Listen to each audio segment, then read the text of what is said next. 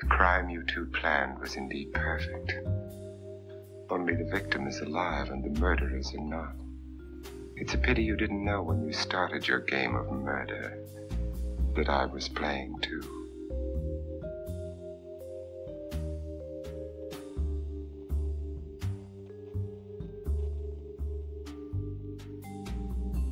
Stany Zjednoczone, rok 1963. Rok, w którym 250 tysięcy osób bierze udział w słynnym marszu na Waszyngton. Rok, w którym w tym samym marszu na Waszyngton lider ruchu praw obywatelskich Martin Luther King wygłasza przemówienie I Have a Dream. Rok, w którym Stany Zjednoczone i Związek Radziecki tworzą gorącą linię łączącą Biały Dom z Kremlem. 1963 to czas wielu przełomowych zmian. Opracowane zostają pierwsza myszka komputerowa i kaseta magnetofonowa, a świat poznaje emotkę uśmiechniętej buźki i postać doktora Hu. Ale to nie wynalazki, czy nowinki technologiczne, czy nawet protesty w sprawie praw obywatelskich stają się symbolami 1963 roku. 63 rok to bowiem rok, w którym podczas wizyty w Dallas zostaje zastrzelony sam prezydent Stanów, John Kennedy. Zaledwie dwa tygodnie później inna ikona Ameryki, a prywatnie dobry znajomy Kennedy'ego, także znajduje się w centrum kryminalnego zamieszania. Pewnego śnieżnego grudniowego wieczoru w motelu przy jeziorze Lake Tahoe na granicy Nevady z Kalifornią dwóch napastników porywa 19-letniego syna Franka Sinatry.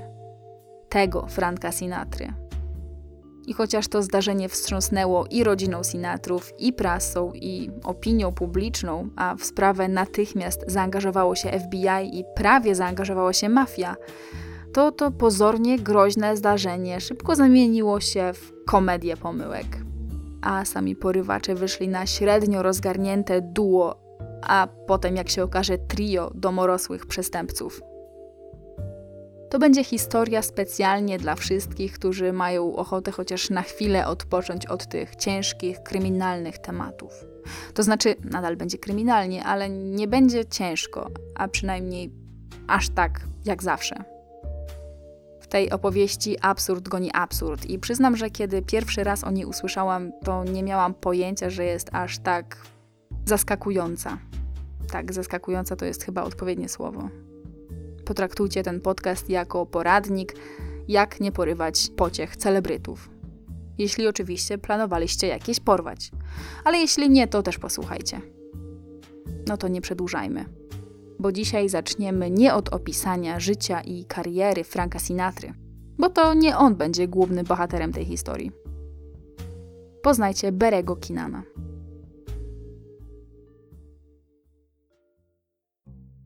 Jest rok 1963 i Berry ma właśnie 23 lata. Pochodzi z zamożnej rodziny, a od urodzenia mieszka w Los Angeles. Berry z pozoru nigdy nie miał na co narzekać. Jego ojciec jest wybitnym maklerem giełdowym i prowadzi własną firmę. Rodzice wysyłali Berego do najlepszych szkół w mieście. W późnych latach 50. do klasy chodził z dziećmi popularnych hollywoodzkich celebrytów. Jego rodzina była dość religijna, szczególnie wierząca w Boga ciotka, która z nimi mieszkała, wpajała mu katolickie wartości od początku. Chłopak do tego stopnia zafiksował się na wierze, że zaczął mieć obsesję na punkcie śmierci i pójścia do nieba. Pewnego razu jako dziecko celowo wjechał na rowerze pod samochód, żeby umrzeć i trafić do nieba. Wkrótce potem zaczął rozmawiać z aniołami a przynajmniej, no wiadomo, tak sądził, że rozmawia z aniołami, które miały mu się pojawiać w piwnicy. Kiedy przyznał się do tego ciotce, to kazała mu obiecać, że nigdy więcej już nikomu o tym nie powie. Najważniejsza zasada brzmiała bowiem: musisz dostosować się do otoczenia. Kiedy odstajesz, ludzie traktują cię jak wariata. No to Berry posłuchał. Jak prawie każdy nastolatek z dobrego domu w tamtych czasach zaczął pić, imprezować i eksperymentować z narkotykami. No niby zwykle to nie było nic wyjątkowo destrukcyjnego, takie zabawy młodości. Tylko, że dla niego to była ucieczka od problemów. Jakich problemów? Na przykład rozwodu rodziców. Matka Barego cierpiała na depresję. Kilkukrotnie miała próby samobójcze. Co więcej, dziewczyna Barego zginęła w wypadku samochodowym. A na domiar złego przypominam, że Berry słyszał głosy. Ale były też dobre chwile. Miał wielu przyjaciół, lubił robić dowcipy, a najzabawniejszym żartem było dla niego podpalanie palm na wzgórzach w Hollywood. No, świetna zabawa. W liceum Berry opuścił się w nauce. Wszystko wskazywało na to, że ciężko będzie mu się dostać na studia. Ale wtedy ojciec przyszedł do niego z planem. Jak tylko zacznie się starać, to kupi mu nowiutką korwetę. No i Barry tak się starał, że nie wiadomo w jaki sposób nagle siedział w ławce na studiach. Dokładnie na Uniwersytecie Kalifornijskim w Los Angeles. Zanim jeszcze jednak na dobre zaczął życie studenta, ojciec wkrycił go do biznesu. I tak Barry z kilkoma klientami otrzymanymi od ojca rozpoczął własną karierę na giełdzie. W wieku 21 lat otrzymał licencję maklera papierów wartościowych. Został dzięki temu najmłodszym członkiem regionalnej giełdy Pacific Stock Exchange w Los Angeles w historii. Pomimo młodego wieku, Barry zarabia 40 tysięcy dolarów tygodniowo. To na tyle dużo, że może sobie pozwolić na kupowanie nowiutkich, pachnących samochodów i łodzi. Ma narzeczoną, ma pieniądze, ma karierę i prawie ma wykształcenie. No raj. Niestety, jak to w życiu czasem bywa, jedno zdarzenie sprawiło, że całe życie Berego odwróciło się o 180 stopni.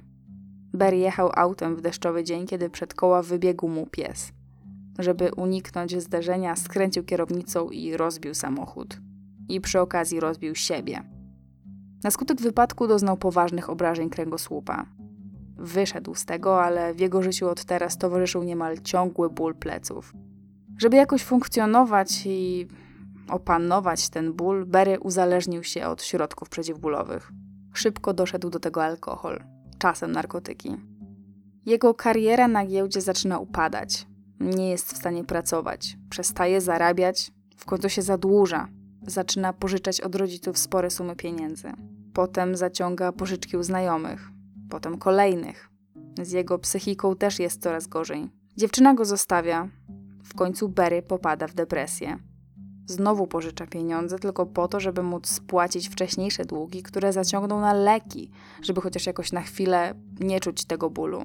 Już nie tylko fizycznego, ale może, a może przede wszystkim bólu psychicznego. Ostatecznie rzuca pracę. Poznaje jakąś przypadkową dziewczynę i żeni się z nią w Las Vegas. Sam do końca nie wie dlaczego. Ale Berry zawsze należał do grona osób, które miały spore ambicje żeby mieć za co żyć, pożycza od przyjaciela pieniądze, żeby zainwestować w rolety okienne. Planuje sprzedawać je właścicielom sklepów. Ale niestety przypływ tego lepszego samopoczucia zbiegł się akurat w czasie z falą ulew w mieście. Kiedy padał deszcz, nikt nie chciał kupować rolet, a Berry znowu spadł na dno. Co więcej, jego ojciec zaczął mieć problemy w firmie, chora na raka babcia umarła, Ciotka wpadła w depresję, a matka miała kolejną próbę. Berry wiedział, że musi pomóc już nie tylko sobie, ale też rodzinie. No i wiedział, że nie chce zostać narkomanem, musi, musi coś zrobić. I pewnego dnia, jak na człowieka biznesu, jakim był, przystało, siada z kartką i zaczyna liczyć żeby spłacić wszystkie zadłużenia, wyjść na prostą, zacząć nowy biznes w branży nieruchomości i jeszcze pomóc rodzinie, potrzebuje dokładnie 240 tysięcy dolarów. Dochodzi więc do wniosku, że no, na tych roletach to średnio się dorobi, więc musi zrobić coś spektakularnego. Być może, a może nawet na pewno coś nielegalnego. Co rodzi się więc w jego opanowanym lekami roztopionymi w alkoholu umyśle? Napad na bank. Rozpisuje wstępny plan. Liczy, liczy, ale rezygnuje z pomysłu. Owszem, kasa z tego będzie pewnie duża, ale ryzyko jeszcze większe. A może napad na sklep spożywczy? Tu z kolei nie ma szans tyle zarobić. Kompletnie załamany wsiada w samochód i jedzie na wzgórza. I wtedy wydarza się coś niespodziewanego. Znowu, tak jak w dzieciństwie, słyszy głosy jednak tym razem nie przemawiają do niego anioły.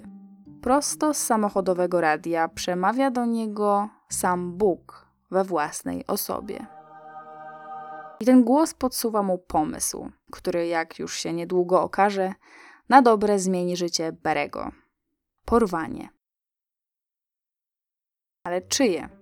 No, najlepiej porwanie kogoś bogatego. Kogoś, za kogo rodzina zapłaci jakieś duże pieniądze. To znaczy wróć. Berry nigdy nie myśli o tym jak o porwaniu. To raczej operacja. Opowie potem, tutaj pozwólcie, że zacytuję. Byłem bardzo zorientowany na biznes, więc rozpisałem biznesplan. Taki biznesplan operacji. Ale Bóg, oczywiście, daje mu pewne mm, reguły, których musi się trzymać. Po pierwsze, Berry nie może porwać ani kobiety, ani dziecka. Po drugie, musi jak najszybciej zwrócić zakładnika i najważniejsze po trzecie, kiedy inwestycje z okupu się zwrócą, to będzie musiał oddać wszystkie pieniądze rodzinie. Jako prawdziwy, porządny katolik, Berry też nie traktował tego mm, odebrania okupu jak kradzież, tylko no, jak długoterminową pożyczkę. No i co więcej, Berry nie planuje, a raczej no, nie może też nikogo skrzywdzić. No, brzmiało to ogólnie jak plan doskonały. Brakowało tylko ofiary, a raczej no produktu, który podda stosownej transakcji. Robi więc listę wszystkich bogatych ludzi, których poznał w ciągu swoich 23 lat życia. W kolejności alfabetycznej zapisuje wszystkie dzieciaki zamożnych rodziców, które poznał w liceum. A potem po kolei analizuje. Litera D. Vicky Douglas. Córka dyrektora generalnego Douglas Aircraft. Bogata, więc pewnie tatuś bez gadania zapłaciłby za nią okup. Ale Vicky odpada, bo jest dziewczyną. To jest wbrew boskiej zasadzie numer jeden. Litera L. Arthur Lake. Syn Johnego Weissmullera, pierwszego w historii odtwórcy Tarzana. No ale on też średnio pasuje, no bo kto by się odważył porwać dziecko Tarzanowi? No, jakiś szaleniec. Litera M. Jim Mitchum syn aktora Roberta Michuma. Jima Berry zna całkiem dobrze, więc samo zorganizowanie porwania nie byłoby problemem. Ale sytuacja finansowa Michuma seniora, a przynajmniej tak uważa Berry, jest niepewna. Raz ma pieniądze, raz ich nie ma, a może akurat trafi na ten moment, kiedy nie będzie ich miał i nie będzie go stać na okup? Za duże ryzyko. Kiedy alfabet się kończy, wraca do początku staje na Tonym Hope'ie, adoptowanym synu Boba Hope'a. I tak, przez kilka dni trzyma się tego pomysłu, bo Hope wydaje się bardzo dobrym targetem. Ale potem odpuszcza, bo po przemyśleniu Bob wydał się zbyt wrażliwy, żeby mu to zrobić. Jeszcze się biedny załamie. Co więcej, w czasach wojny Bob organizował trasy dla organizacji charytatywnych i budował morale amerykańskich żołnierzy, zabawiając ich na scenie porwanie syna ulubieńca Ameryki byłoby iście antypatriotyczną zagrywką. Lista celebrytów do porwania stopniowo się kurczy. Aż pewnego dnia, kiedy Berry siedzi na fotelu u Barbera, z okładki magazynu Life zerkają na niego uśmiechnięci Frank Sinatra i jego 19-letni syn Frank Sinatra Jr. Berry wcześniej myślał o porwaniu Nancy, czyli najstarszej córki Sinatry z pierwszą żoną Nancy Barbato. Frank Sinatra to cel wręcz idealny. Jest twardym facetem, raczej na chłodno podejdzie do sprawy. Pewnie zapłaciłby za córkę i skutecznie zamiótłby całą sprawę pod dywan. A był jeszcze jeden powód, dla którego Barry rozważał porwanie Nancy. Po prostu dobrze ją znał. Otóż chodzili razem do klasy przez 12 lat, i podobno się przyjaźnili. To znaczy, tak mówił Barry, a Nancy będzie się tego wypierać. Razem skończyli szkołę, jego kolega umawiał się z nią kiedyś w liceum, a matka Nancy była znajomą matki Berego. Berry sam nie raz, nie dwa odwiedził Nancy w jej domu.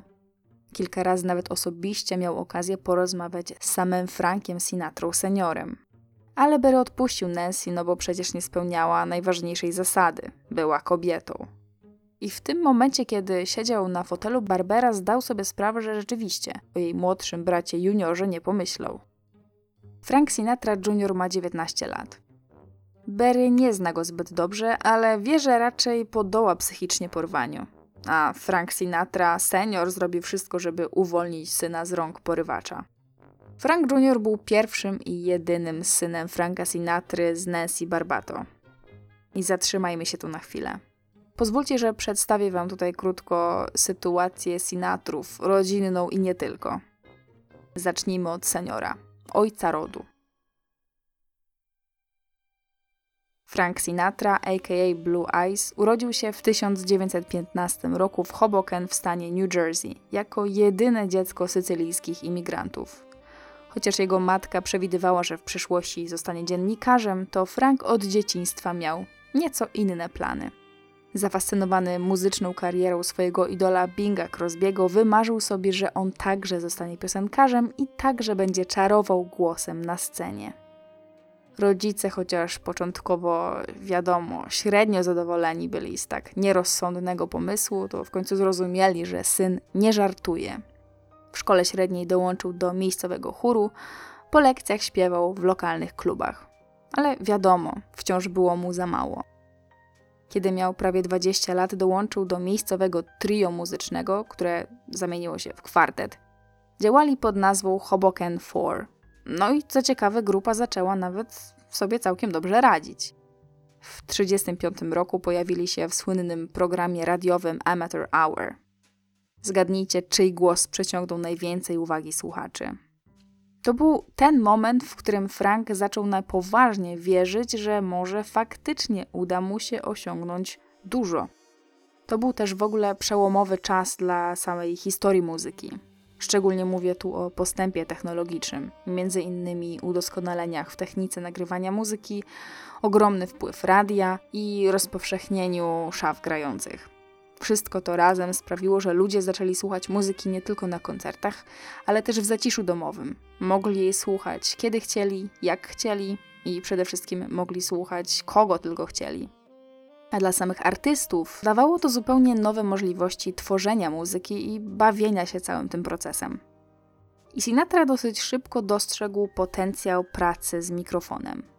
Jako jeden z pierwszych artystów zauważył pewną intymność, wręcz erotyczność mikrofonu. Nauczył się, jak zbliżać go odpowiednio do ust bardziej, kiedy go odsuwać, jak zmieniać głos, by ten głos brzmiał na nagraniach jeszcze lepiej. Zaczął nawet pływać tylko po to, żeby lepiej modulować brzmienie głosu. No i się opłaciło. W 1945 roku Sinatra zdobył nagrodę Billboardu dla najlepszego wokalisty. To mu dało skrzydła, żeby odejść z zespołu i na dobre zostać wokalistą solowym. Jak pomyślał, tak też zrobił. Rok później dał pamiętny występ w jednym z nowojorskich teatrów Paramount. Publika liczyła około 5 tysięcy osób. I co ciekawe, składała się głównie z nastoletnich dziewcząt. Nigdy wcześniej świat muzyki nie widział czegoś takiego jak wtedy. Tysiące młodych dziewczyn piszczało, krzyczało i dosłownie wariowało na widok jednego muzyka. Wiecie, dzisiaj to jest dosyć normalne, no ale wtedy to był pierwszy raz, kiedy Ameryka doświadczyła takiego popkulturowego fenomenu. Eksplozja sławy Sinatry wywołała masową sensację. Teraz już każdy się nim interesował. Nawet jeśli wcześniej nie znał jego muzyki, to po prostu z ciekawości sprawdził, o co to całe zamieszanie i kim w ogóle jest ten cały Sinatra. Przez tą nazwijmy to fascynację nastolatek trochę czasu musiało minąć, zanim ludzie rzeczywiście docenili kunszt jego muzyki. W latach 40. na dobre podbił już serce Amerykanów. Po długim czasie kryzysu gospodarczego i w trakcie trwania wojny kraj potrzebował romantycznych idoli śpiewających kojące serce ballady. Sinatra podpisał wtedy kontrakt z wytwórnią Columbia Records i zaczął jednocześnie występować w filmach, przede wszystkim w musicalach. Ale pod koniec dekady jego kariera zaczęła gwałtownie zmierzać ku upadkowi. Główną przyczyną takiego stanu rzeczy była zmiana gustów muzycznych. Młodych ludzi ciągnęło do bardziej dynamicznych brzmień niż romantyczne smenty Sinatry. Nowym królem stał się nie kto inny jak Elvis Presley. Oliwy do ognia dolewała prasa, bo Sinatra jako artysta był ceniony, ale Sinatra jako osoba miała no, niezbyt dobry PR. Z jednej strony prasa oskarżała go o komunistyczne skłonności, co było wtedy dosyć dużą sprawą, a z drugiej strony, chyba co gorsza, pisała o jego romansach. Sinatra był wtedy w trwającym ponad 10 lat małżeństwie z Nancy Barbato i mieli razem trójkę dzieci. Nancy, Franka Juniora i Christine. Frank rozpoczął wtedy głośny związek z aktorką hollywoodzką Ewą Gardner, a w 1951 roku ożenił się z nią. Żeby tego było mało, głośno mówiło się o jego znajomościach z mafią, szczególnie Lakim Luciano, który w moim podcaście już się pojawił co najmniej dwukrotnie.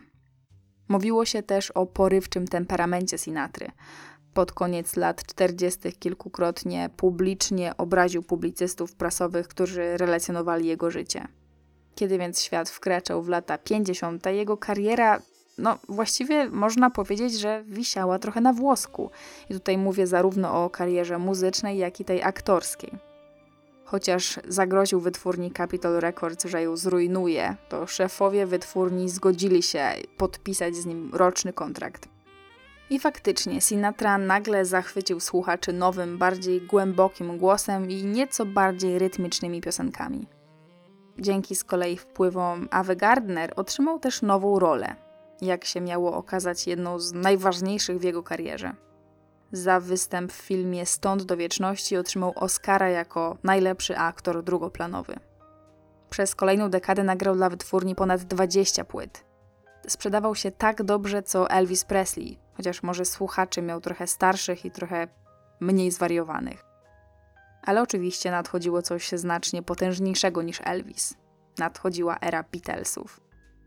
We wczesnych latach 60., czyli w momencie, w którym właśnie znajdujemy się teraz, Sinatra był już po drugim rozwodzie i przeżywał kolejne zwolnienie kariery.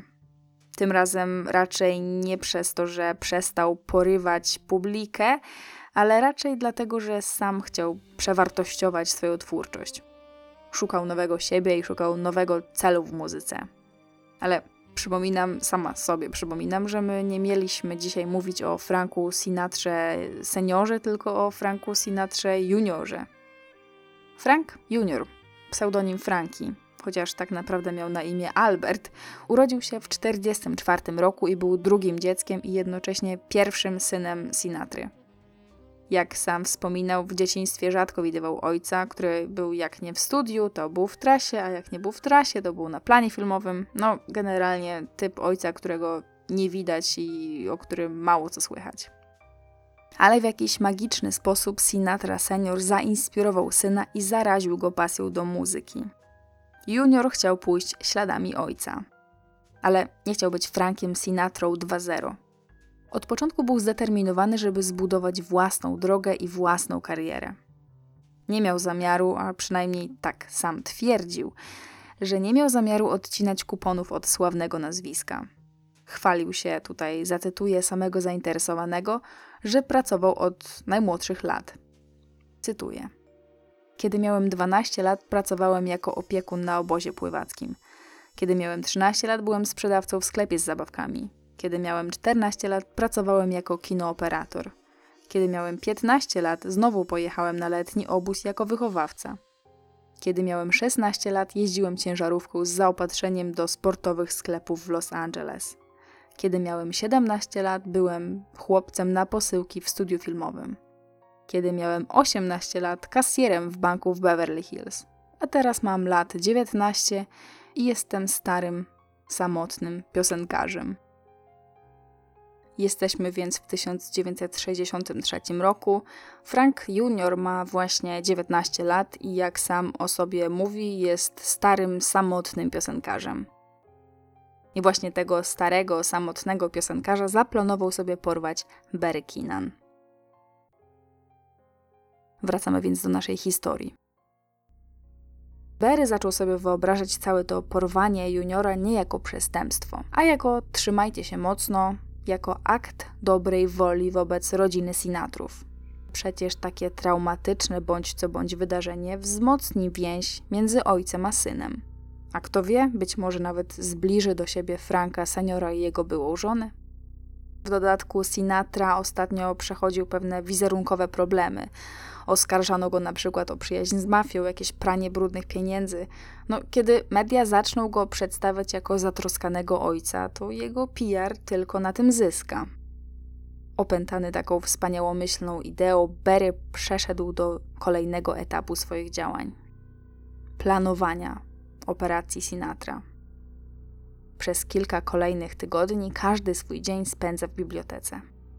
Analizuje historię słynnych porwań od czasów biblijnych aż po lata 60.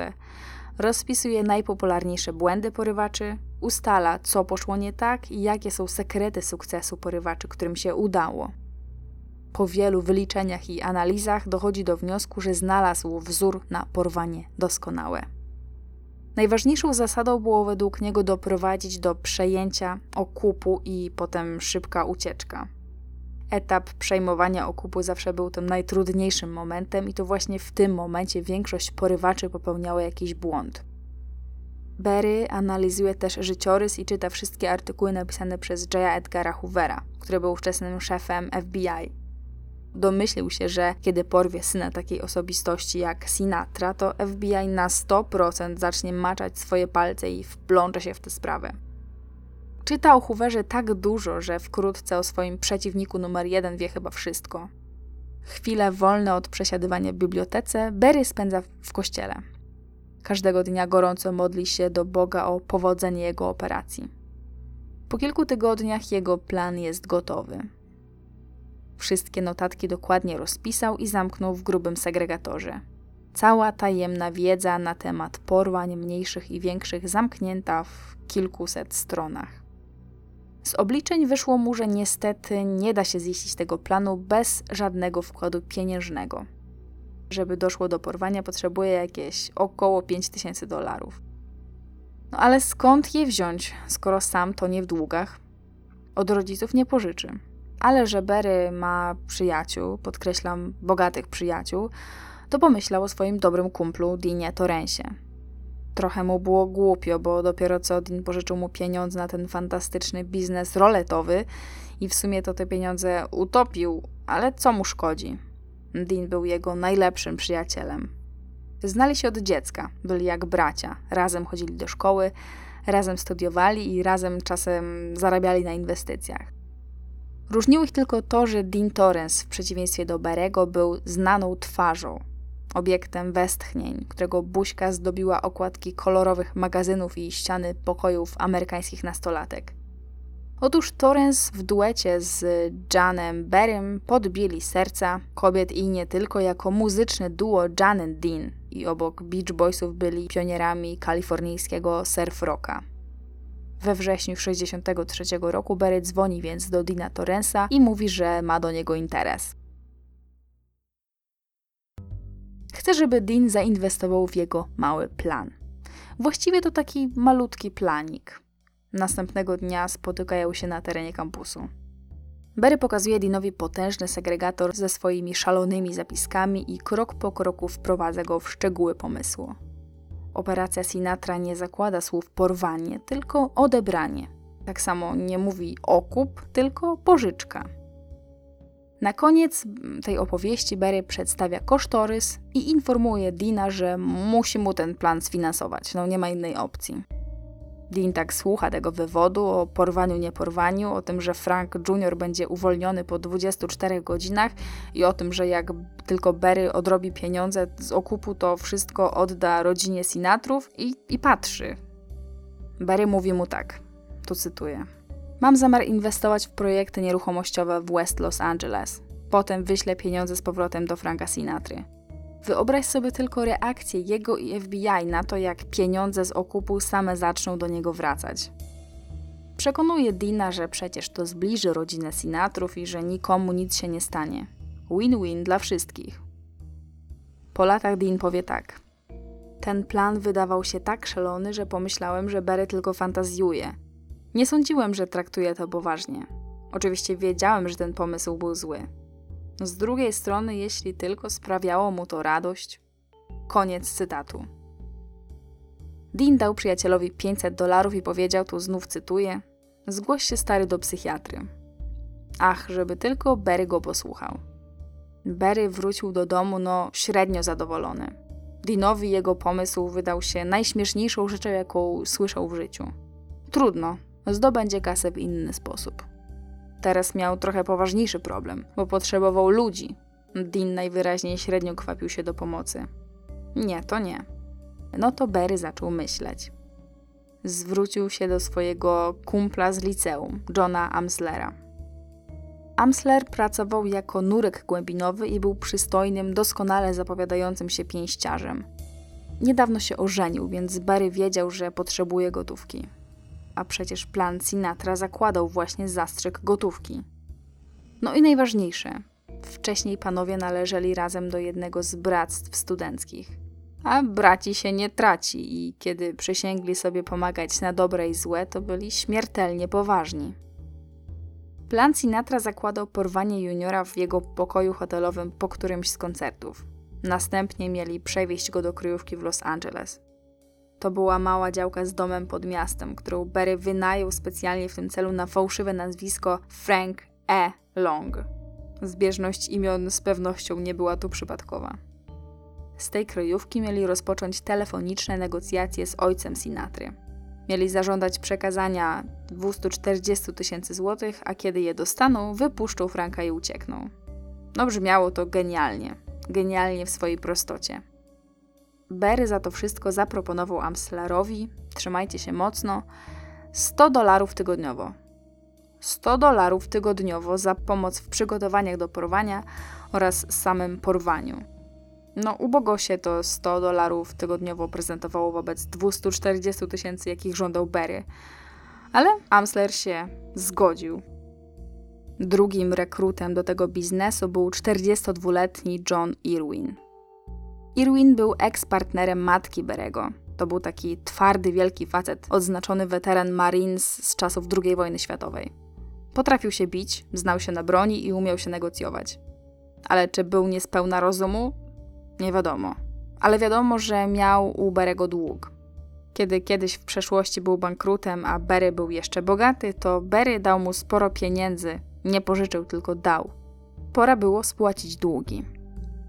To właśnie Irwina wyznaczyli na telefoniczne rozmowy z Sinatrą, kiedy już będą mieli w garści jego synalka. I Berry miał już dwóch wspólników, ale niestety potrzebowali więcej pieniędzy niż pożyczone od Dina 500 dolarów. Tu z pomocą przyszła nowa miłość Berego Pam. To znaczy, Pam to nie było jej prawdziwe imię, ale tak Berry określa ją w swoich opowieściach, żeby chronić jej tożsamość, więc ja będę się też tego trzymała, bo nie znam jej prawdziwego imienia. Pozostajmy więc z Pam. Pam była podobno, bo jej nie widziałam, piękną, wysoką blondynką, która należała do lokalnej drużyny siatkarskiej. Taka dziewczyna z dobrego domu, z fortuną odziedziczoną po babce i przede wszystkim wielką miłością do Berego. Nieśmiało zwrócił się więc do Pam z prośbą o pieniądze. Ale pamiętajmy, że Berry był osobą głęboko religijną. Uważał, że jeśli jest z Pam w związku, to musi jej powiedzieć całą prawdę. Kryjąc to przed wspólnikami, wtajemniczył więc Pam cały plan. Co na to dziewczyna? z jakiegoś powodu uznała, że to najdoskonalszy pomysł pod słońcem. Zafascynowana i uradowana tym, że nigdy w sumie w życiu nie znała żadnego kryminalisty, stwierdziła, że ona też chce dołączyć. Berry zgodził się, żeby dołączyła, ale jako inwestorka. Żadnego maczania rąk w samo porwanie. Po kilku długich tygodniach wtajemniczania wspólników w plan operacji Sinatra i śledzeniu przyszłej ofiary, Berry w końcu stwierdził, że oto właśnie nadszedł właściwy moment. Akcję zaplanował na listopad 63 roku. Chcieli go porwać w hotelu Phoenix, gdzie Sinatra występował z zespołem na targach stanowych, wykonując hity swojego ojca. Pojechali więc we trzech do Arizony, zaszyli się w pobliskim pensjonacie i wykonali próbę generalną telefonu do Sinatry seniora.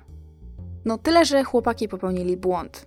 Żeby sobie przećwiczyć rozmowę z Sinatrą seniorem, wykonali kilka telefonów do siebie nawzajem z tego hotelu. Przygotowany Barry wiedział przecież, że rozmowa nie może trwać więcej niż minutę, no bo wtedy FBI ich namierzy i ich plan weźmie w łeb. Tyle, że wykonali te telefony z aparatu znajdującego się w pokoju hotelowym. A potem się zorientowali, że nie mogą przecież z tego samego aparatu dzwonić do Sinatry, no bo przecież będzie na nich. Na ich nazwisko jest przecież wynajęty pokój, no absurd. Co więc zrobili? Wezwali firmę telekomunikacyjną i poprosili o nowy telefon. Tak, żeby z tego nowego aparatu móc wykonać ten oficjalny już telefon do Sinatry. I rzeczywiście, firma przyjechała, nowy telefon dała, tyle że zabrała im ten poprzedni aparat. A na nim zostawili przecież odciski palców. No, mogiła. No to co trzeba było zrobić? No, trzeba było przełożyć operację Sinatra na lepszy moment. Żeby ten wyjazd nie poszedł tak całkiem na straty, to tego samego wieczoru wskoczyli w garnitury i poszli sobie na koncert Franka Juniora. Skoro już przejechali tyle kilometrów, to niech coś mają od życia. Drugą próbę zaplanowali na 22 listopada. Niestety, tym razem też nie wyszło. Tak się niefortunnie złożyło, że dokładnie tego samego dnia w Dallas został zamordowany prezydent Kennedy. Sinatra senior żył blisko z Kennedym. Ich znajomość trwała jeszcze od czasów, kiedy ten był senatorem. Sinatra wspierał Kennedy'ego podczas kampanii prezydenckiej. Mówiło się nawet, że to właśnie dzięki Sinatrze Kennedy podczas walki z Nixonem o fotel głowy państwa przekonał Chicago do głosowania na Kennedy'ego.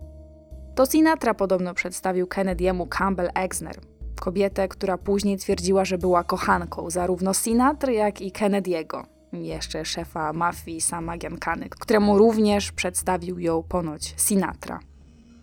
Stosunki między Sinatrą a Kennedym nieco się ochłodziły, kiedy w 1962 roku Robert Kennedy, czyli brat prezydenta i jednocześnie prokurator generalny, odkrył w śledztwie silne powiązania między Sinatrą a mafią. Nic więc dziwnego, że po takich przebojach rodzina Sinatry przeżyła śmierć prezydenta wyjątkowo silnie. Po zamachu w Dallas Frank Sinatra Jr. odwołał wszystkie koncerty zaplanowane na najbliższy czas. A to był dla Berego i jego ekipy srogi problem. Przecież trzonem ich planu operacji było porwanie Sinatry z pokoju hotelowego po koncercie. A jak go porwać po koncercie, skoro nie ma koncertów? Panowie jednak się nie poddawali i swój plan nieco zmodyfikowali. Wpadli na to, że porwą tego bogu ducha winnego Sinatrę prosto z jego mieszkania w Los Angeles. Pewnego listopadowego dnia zaczaili się w pralni pod mieszkaniem Sinatry i czekali. I już weszli nawet na klatkę schodową i już prawie otwierali drzwi do mieszkania Sinatry, kiedy zatrzymał ich sąsiad. Niedoszli porywacze tak się przestraszyli, że zwiali. No wiatr w oczy, a byli przecież tak blisko. Coraz więcej znaków na niebie, na ziemi na klatce schodowej sugerowało, że może to porwanie, to znaczy operacja, to nie jest aż taki dobry pomysł. Mówiąc językiem oficjalnym, wspólnicy Berego zaczęli tracić morale. Najpierw Amsler chciał się wycofać, potem Irwin zaczął marudzić, że te marne pieniądze to jakaś śmieszna rekompensata za tyle stresu i biegania za jakimś bogatym nastolatkiem. Ale Berry wpadł w obsesję na punkcie Sinatry. Łaził za nim krok w krok, a analizował, gdzie sypia, gdzie jada i gdzie spędza wieczory. Tyle, że w tym planie dnia trudno było znaleźć jakąś lukę. Czas mijał, a pieniądze, które miały pójść na porwanie, już prawie w całości się rozpłynęły. Teraz Berry miał długi do spłacenia nie tylko u rodziców i znajomych, ale też u Dina Torrensa i jego dziewczyny Pam. Tyle nieudanych prób sprawiło, że nawet sam zaczął wątpić w swój plan. I to do tego stopnia, że skontaktował się ze swoim znajomym Colinem, który pracował w Nowym Jorku jako bankier National Bank. I zapamiętajcie tego Colina, bo on jeszcze się w tej historii pojawi. Zaspoileruję nawet, że będzie dosyć ważną postacią. Kiedy więc Berry już się prawie całkiem poddał, okazało się nagle, że Frank Jr. ogłosił, że wznawia trasę koncertową. Tyle, że wspólnicy już mu się wykruszyli. Irwin zrezygnował z planu całkowicie. Amsler zaczął szukać pracy na budowie. Tymczasem Berry dowiedział się, że na początku grudnia Sinatra będzie występował w Lake Tahoe, w górach Sierra Nevada. To był dla niego ostatni moment, bo zaraz potem Sinatra miał wsiadać na pokład samolotu i kontynuować trasę w Europie. Sytuacja typu teraz albo nigdy. Berry wpadł więc na pomysł, że weźmie Amslera podstępem. No w końcu łatwiej będzie przekonać na nowo przyjaciela, niż szukać jakiegoś kolejnego szaleńca, który uwierzy, że to wszystko ma sens. Okazało się, że Amsler nie mógł znaleźć pracy i żona zagroziła mu, że jeśli nie przyniesie do domu pieniędzy, to lepiej niech nie wraca. Berry szepnął mu więc, że słyszał, że w Lake Tahoe są jakieś roboty budowlane i że pewnie jak tam pojadą, to znajdzie się jakaś fucha dla nich. Amsler był mocno zdesperowany, więc się zgodził. Berry pożyczył od Pam kolejne 2,5 tysiąca dolarów i zabrał Amslera do Lake Tahoe. Jakież musiało być jego zdziwienie, kiedy po przyjeździe na miejsce Nie było żadnych robót, tylko kasyno Harras Casino z wielkim billboardem zmieniącym się nazwiskiem Sinatry Juniora. Amsler popatrzył na billboard, potem na Berego, potem znowu na billboard. A Berry mu na to, cóż za zbieg okoliczności. Oczywiście nie dawał po sobie nic znać, że to wszystko zaplanował. Powiedział przyjacielowi, że zostaną tam na kilka dni, może pojeżdżą na nartach, bo pogoda sprzyjała, pokręcą się po kasynach, może wpadną na koncert Sinatry, akurat tak się dobrze złożyło, że tutaj gra i tyle. Odpoczną parę dni, a potem zaczną szukać jakiejś dorywczej pracy na budowie. Amsler był nieco podejrzliwy, ale się zgodził. I biada mu, bo kręcenie się po kasynach skończyło się wydaniem wszystkich pieniędzy pożyczonych od Pam. Zostało im 6 centów w kieszeni i dodatkowy dług do spłacenia w kasynie. Nie mieli ani na hotel, żeby tam zostać, ani na paliwo, żeby wrócić do domu. Pozwólcie, że w tym miejscu zacytuję relację samego Berego. Doszło do tego, że teraz musieliśmy porwać tego przeklętego Franka tylko po to, żeby w ogóle się stamtąd wydostać. To brzmi jak wariactwo, ale tak to wyglądało. Potrzebowałem od niego pieniędzy, bo nie stać nas było na powrót do Los Angeles. Do Amslera dotarło, że nie ma wyjścia. No, musi dokończyć ten głupi plan Berego, żeby mieć trochę spokoju, wrócić do domu i zapomnieć o tym wszystkim. Młody Sinatra zatrzymał się w dwupiętrowym przydrożnym motelu South Lodge Harras. Zaplanowali, że porwą go w niedzielę 8 grudnia, tuż przed koncertem, kiedy za oknem będzie już ciemno, a Sinatra będzie się szykował do wejścia na scenę. Mieli się wkraść do jego pokoju, porwać go, potem przewieźć do kryjówki w Los Angeles, a potem zadzwonić do ojca Sinatry po okup. Ale jak chcieli się dostać do pokoju Sinatry, spytacie? Otóż na to Berry też miał cudowny pomysł. Wpadł na to, że weźmie pudełko po winie i będzie udawał dostawcę alkoholu. Ale rzecz jasna nie było go stać na prawdziwe wino, więc tylko poprosił w sklepie o pudełko, a do środka napchał szyszek. Bo szyszki to było jedyne, co w tej okolicy mogli dostać za darmo. Poza jeszcze jedną rzeczą, ale tego się pewnie domyślacie. Jeśli będzie wyglądał jak dostawca wina i będzie się zachowywał jak dostawca wina, to ktoś z recepcji hotelu pewnie weźmie go za dostawcę wina i na pewno go wpuści i jeszcze poda numer do hotelu Sinatry. A gdyby jakimś cudem ten ktoś mm, z recepcji zajrzał do pudełka, to zobaczyłby w środku tylko niewinne szyszki. A oni te szyszki to na świąteczne dekoracje przecież niosą, bo sobie ich pan Sinatra mógł przecież zażyczyć. Pudło szyszek z jakiegoś niewiadomego powodu miało być tą rzeczą, której muzyk potrzebuje tuż przed wejściem na scenę. Ma to sens. I chyba dla osób z recepcji też to miało sens, bo bez mrugnięcia okiem podali Beremu i Amslerowi numer do pokoju Sinatry. I takim oto sposobem o 21.30 Bere i Amsler, wyposażeni w pudełko z szyszkami, broń w kieszeniach i przyklejone sztuczne wąsy pod nosem, znaleźli się na korytarzu przed drzwiami pokoju 416. Zapukali. Obsługa hotelowa. Otwarte. Berry przekręcił klamkę. To, co się wydarzyło potem, to było jakąś jedną wielką serią absurdów.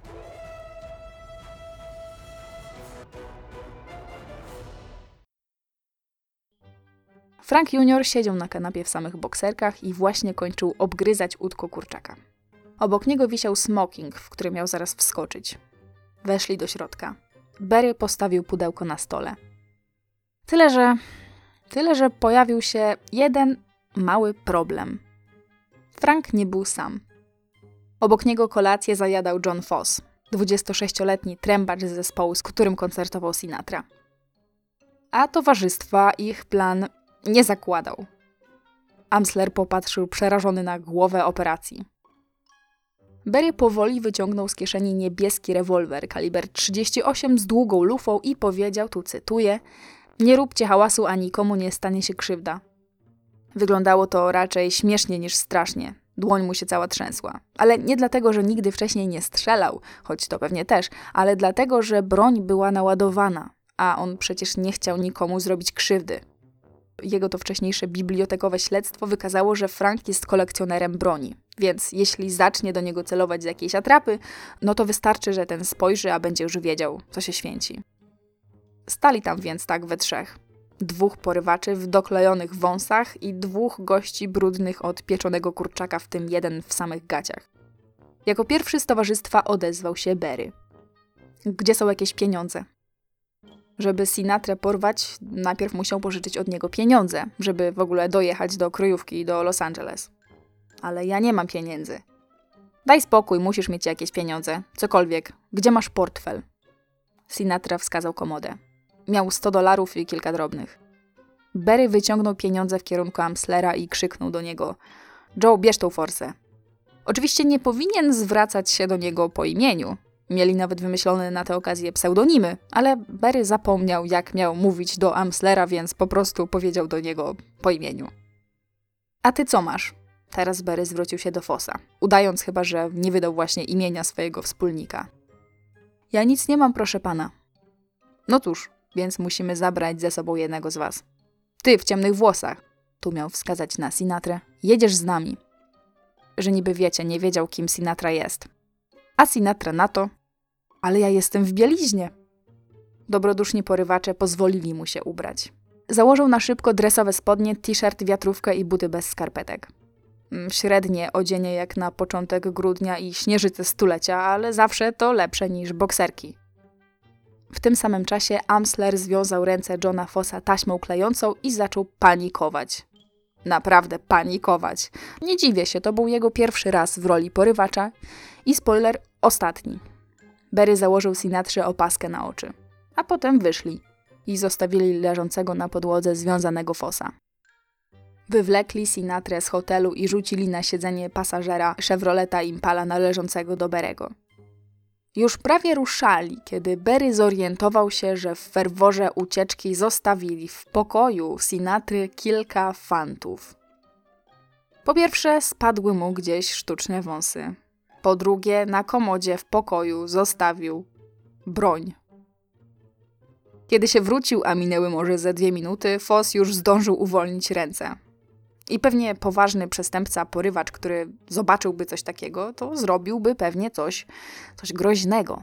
Ale nie Berry. On przecież nie był przestępcą, tylko biznesmenem. Był tak zaskoczony tym, że Foss się nie posłuchał, że nakazał mu, tu cytuję, daj nam pięć minut, zanim zadzwonisz na policję. A potem nożem przeciął kabel telefonu. I wyszedł. Ruszyli więc w drogę. Cel Los Angeles, oddalone o 425 mil. Pech chciał, że to był grudzień i szalała akurat śnieżyca. To się nie zapowiadało na prostą ucieczkę. Berry pomyślał, że mógł powiedzieć 10 albo 15 minut, a nie te 5, tak jak gdyby Foss miał go słuchać. Berry był tak spanikowany, że przemknęło mu przez myśl, żeby tego Franka po prostu wypuścić, Mieli już przecież te 100 dolarów, powinno im wystarczyć na powrót do domu. I pewnie by go nawet wypuścił, gdyby nie śnieżyca. No biedny chłopak zamarznie na dworze, jak go wyrzucał gdzieś na środku drogi. Berry będzie potem wspominał, że w pewnym momencie w radiu puścili piosenkę Sinatry Seniora. Uznał to za znak od samego Boga. I naszła go jakaś taka romantyczna melancholia, że przecież faktycznie są nieznajomymi w nocy.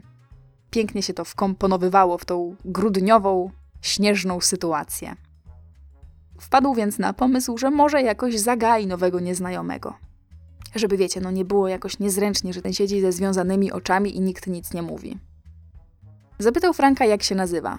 I kiedy się zapowiadało, że oto jest początek nowej pięknej przyjaźni, to Berry przypomniał sobie o zaklejonym taśmą fosie. Wypalił więc do Franka, że jeśli jego przyjaciel rozwiąże się zanim oni wyjadą z Lake Tahoe, to dojdzie do strzelaniny. Ale spokojnie, spokojnie, jest na to jeden sposób. W razie jakiegoś zatrzymania czy czegokolwiek, Frank musi udawać, że jest z nimi i że się świetnie bawią, a on po prostu przesadził z napojem alkoholowym. Ku jego zaskoczeniu, Sinatra współpracował. Miał mu powiedzieć tak, tutaj luźno cytuję: Nie musisz się o mnie martwić, tylko lepiej weź mój sygnet. Jak was złapią, to mnie rozpoznają po tym sygnecie i będziecie mieli problem. No, chyba się nie spodziewali, że pójdzie z nim aż tak gładko. Na polecenie Berego Frank Junior wziął dwie tabletki nasenne i zapił je whisky, żeby w razie czego sprawiać wrażenie pijanego. I jechali dalej. Przypominam tylko, że Frank w ogóle nie miał pojęcia, że to jest porwanie, a już na pewno, że to jest celowe porwanie skierowane na niego. Berry cały czas przekonywał, że wzięli go ze sobą tylko dlatego, że chcieli go obrabować w hotelu, ale coś tam poszło nie tak. Obiecali, że zabiorą go do Sacramento, a tam wypuszczą na lotnisku. Kiedy Sinatra Junior odbywał właśnie drzemkę życia w samochodzie porywaczy, w tym samym czasie zaklejony taśmą John Foss zdążył się już uwolnić i pobiegł do recepcji po pomoc. O 22.22 niecałą godzinę od momentu, w którym Berry wszedł do pokoju hotelowego Sinatry, w tym samym pokoju już roiło się od funkcjonariuszy policji. A że chodziło o porwanie syna jednej z absolutnie największych osobistości w kraju, to tak jak się Berry spodziewał, policja od razu wezwała do pomocy FBI. Ustawiono blokady dróg w okolicy. Do porwania doszło ponad pół godziny wcześniej. Porywacze prawdopodobnie nie mogli daleko pojechać. Myślicie, że blokada dróg zadziałała? I tak, i nie. Tak, bo Berry i spółka faktycznie zostali zatrzymani przez policję. Próbowali ominąć blokady, ale nie było to do końca możliwe. Kiedy mijał ich kolejny radiowóz i widzieli, jak każdy samochód przed nimi zostaje zatrzymany na kontrolę, to zdali sobie sprawę, że są w potrzasku. Żeby zyskać chociaż kilka minut, Berry zjechał na pobocze, wysiadł z samochodu i zaczął udawać, że poprawia łańcuchy śniegowe na oponach. W tym czasie zastanawiał się, co zrobić, w którą stronę uciekać i co mówić, jak ich zatrzyma policja, na co się nieuchronnie zapowiadało. I wtedy nad głową, niczym w kreskówce, pojawiła mu się żaróweczka. Przecież policja najpewniej szuka samochodu z trzema osobami w środku. No to trzeba się pozbyć, oczywiście na chwilę, jednej osoby. Siebie się nie pozbędzie, w końcu jest kierowcą i całą głową przedsięwzięcia. Sinatry też trudno było się pozbyć, no bo przecież on tu był najważniejszy. No i do tego ledwo żył na tylnym siedzeniu, pewnie nawet nie dałby rady wstać. Padło na Amslera. Berry kazał mu wysiąść z samochodu i uciekać w zaspy śniegu. Miał się przebiec poboczem w dół te kilka, no może kilkanaście metrów, a potem wsiąść do auta, kiedy już przejdą kontrolę policji. Amsler no, nie był zadowolony. Śnieżyca była taka, że ledwo dało się iść. W dodatku temperatura też nie zachęcała do wysadzania z auta choćby czubka nosa. Ale co miał począć? Pozostawało mu albo to, albo trafić do więzienia. Zanim dojechał do nich radiowóz, Amsler wypadł z samochodu i zaczął biec w zaspy śniegu, prosto przed siebie w dół zbocza. Chyba ten śnieg musiał sprawić, że zamknął oczy, bo wbiegł na słup telefoniczny, z całym impetem uderzył się w głowę, przewrócił się w zaspę i stracił przytomność. W dokładnie tej samej chwili do samochodu Berego podjechał radiowóz. Oficer się tak średnio patyczkował. Wycelował w niego broń i zapytał, a co tak obywatel sobie grzebie przy aucie późnym wieczorem w środku śnieżycy? Berry z zimną krwią odpowiedział, że no łańcuchy śnieżne sobie zdejmuje z opon. Nie widać? Dlaczego zdejmuje? Albo życie na krawędzi lubi. Funkcjonariusz popukał się w głowę i poświecił do środka samochodu latarką. Jakim cudem w ledwo przytomnej twarzy pasażera nie rozpoznał młodego Sinatry i jakim cudem jego podejrzeń nie wzbudził fakt, że pasażer miał prawdopodobnie zasłonięte oczy, to już do dzisiaj pozostaje tajemnicą. Berry powiedział, że im się śpieszy. Policjant pokiwał głową i ich puścił. Kiedy radiowóz odjechał, Berry wyjrzał za szybę, ale ani śladu po Amslerze nie było widać. Zaczął go wołać i po chwili Amsler, który właśnie odzyskiwał przytomność, wynurzył się z zaspy cały we krwi. Kiedy udało mu się w końcu wspiąć z powrotem na wzgórze i wejść do samochodu, to Barry polecił mu wsiąść do bagażnika. Tak, tak będzie najbezpieczniej. I tak też się stało. Prawie całą dalszą drogę Amsler rzeczywiście spędził w bagażniku. Właściwie to dopiero po kilku godzinach drogi przypomniał sobie o nim sam Sinatra. Czy ty przypadkiem nie zostawiłeś kumpla w bagażniku? Kiedy Berry otworzył bagażnik, Amsler leżał przemarznięty z jakiegoś powodu z odwrotnie założonymi butami i zakrwawioną głową. Może jego stan fizyczny na to nie wskazywał, ale humory im dopisywały. Tymczasem Sinatra senior był już na linii z szefem FBI J.M. Edgarem Hooverem. FBI przypuszczało, że motywem porwania mogły być pieniądze. Nakazali więc czekać na jakiś ruch ze strony porywaczy, którzy najpewniej niedługo zadzwonią w sprawie okupu. O całej sprawie zdążyła już się dowiedzieć prasa i czatowała pod hotelem w Lake Tahoe. Pomoc w sprawie zaproponował Sinatrze nawet sam szef mafii, sam Giancana. Miał mu powiedzieć, tu cytuję, Frank, pozwól, że zajmę się tym po swojemu.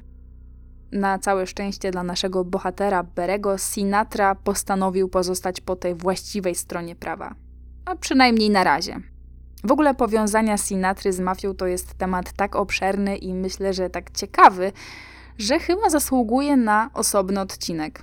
Dajcie znać, czy chcielibyście o tym posłuchać. Agentom FBI nie zajęło dużo czasu, żeby zorientować się, że całe to porwanie to raczej nie było zorganizowane przez, że tak powiem, zawodowców. W pokoju hotelowym zostawili mnóstwo odcisków palców. Gdzie było najwięcej tych odcisków? Po tej klejącej stronie taśmy, którą Amsler zakleił ręce kolegi Sinatry.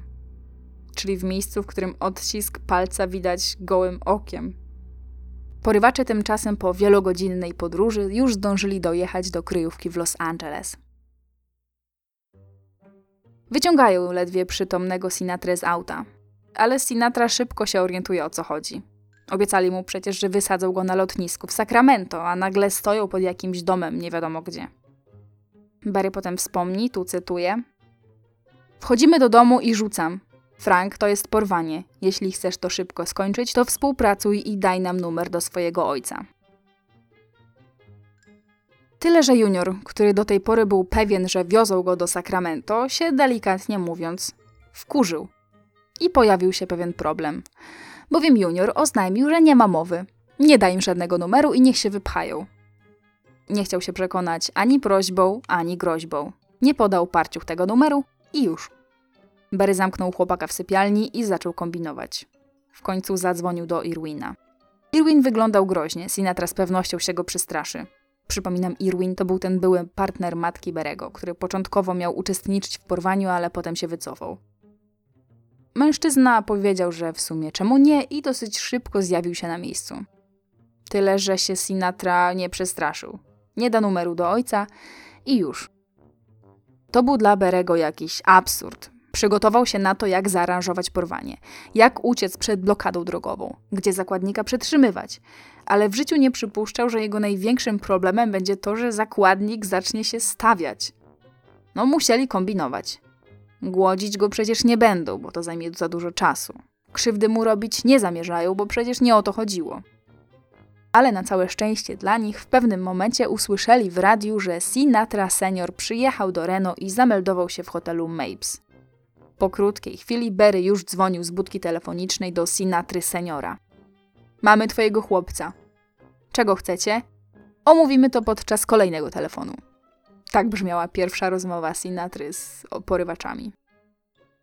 I kiedy Berry już nawet się ucieszył i kiedy już myślał, że ma wszystko pod kontrolą i wszystko idzie zgodnie z jego wielkim planem, wtem zrobiło mu się gorąco. Przypomniał sobie o hotelu w Lake Tahoe o nieopłaconym rachunku w kasynie, o niewymeldowaniu się z pokoju hotelowego i o tym, że zostawili z Amslerem w tym wynajętym pokoju walizki. A w walizkach peruki, ubrania, sztuczne wąsy i pełno szyszek. Nie spał już 24 godzinę, ale wiedział, że musi wrócić. Wiedział też jednocześnie, że nie może tam pojechać sam. Po raz kolejny zadzwonił więc do nikogo innego jak do Pam. A Pam, jak to Pam, była zachwycona propozycją wycieczki. Szczególnie podekscytowała ją obietnica tego, że jak wrócą, to będzie mogła spotkać się z Sinatrą, którego z jakiegoś powodu nagle stała się fanką. Dziewczyna nie była głupia i podsunęła pomysł, że, że mogą udawać parę nowożeńców, która wyjechała sobie na wycieczkę na narty. Barry wypożyczył samochód, bo Pam mądrze pomyślała, żeby nie zabierać może jego własnego auta, a potem zapakowali sprzęt narciarski na dach i ruszyli w drogę. Po 12 godzinach byli już na miejscu. Zgodnie z ich przypuszczeniami, na miejscu roiło się i od policji, i od FBI. Barry potem wspomni, tutaj znów zacytuję. Kiedy dojechaliśmy do hotelu i weszliśmy do windy, to dwóch agentów weszło za nami. Powiedziałem im dzień dobry, a oni odpowiedzieli dzień dobry, więc zagaduję do nich, że wybieramy się z Pam na stok. Świetny dzień na narty, nieprawdaż? Agenci potwierdzili. Nikt go nie zatrzymał. Nie tym razem. Berry, który cały czas miał klucze do ich pokoju hotelowego, dosłownie wbiegł do środka. Walizki jego i Jamslera leżały dokładnie tak, jak je zostawili. Byli bezpieczni. I kiedy już prawie zasnął w tym hotelu po dwóch dniach bez snu, zdał sobie nagle sprawę, że zaraz, zaraz. Skoro powiedział w windzie federalnym, że idą na narty, a potem na te narty nie pójdą, no to będzie bardzo, ale to bardzo podejrzane. I wiecie, co zrobili? Poszli na te narty. A potem się wymeldowali z hotelu, opłacili dług w kasynie, wsiedli do samochodu i wrócili z powrotem do Los Angeles. Ale co się panna jeździła na nartach, to jej. Tymczasem w kryjówce w Los Angeles 10 grudnia po południu odbyła się pierwsza rozmowa Irwina z Sinatrą seniorem. I pozwólcie, że ją zacytuję, wszystko z oficjalnych raportów FBI. Halo, czy to Frank Sinatra? Tak. Nie brzmisz jak Frank Sinatra. No cóż. Jesteś dostępny jutro rano o dziewiątej? Tak. Następnego dnia pozwolili Sinatrze porozmawiać z synem.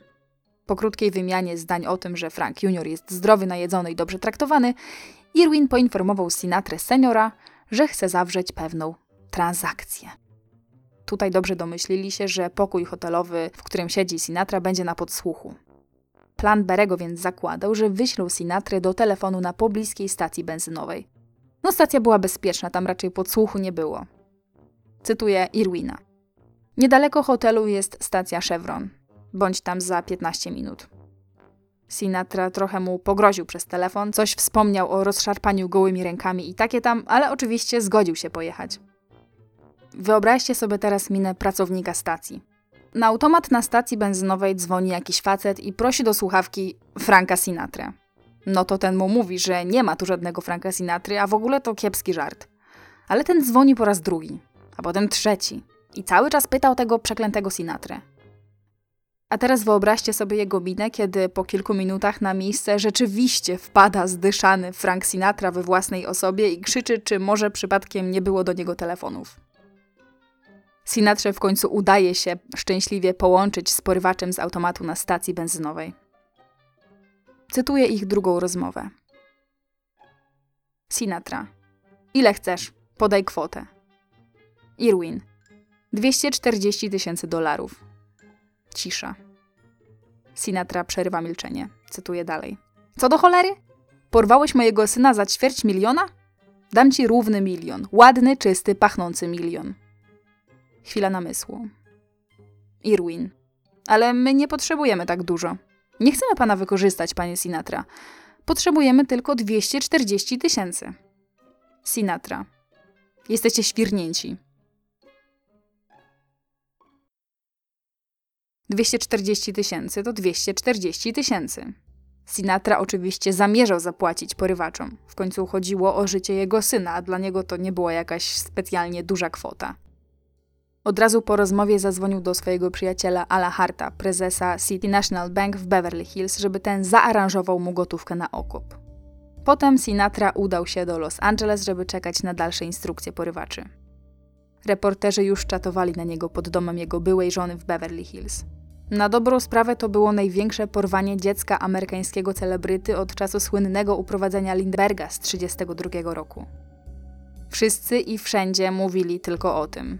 Zdawało się, że w tym kraju tragedia goni tragedię. Dopiero co zamordowano prezydenta, a teraz co? Zamordują syna jednego z największych gwiazdorów muzycznych?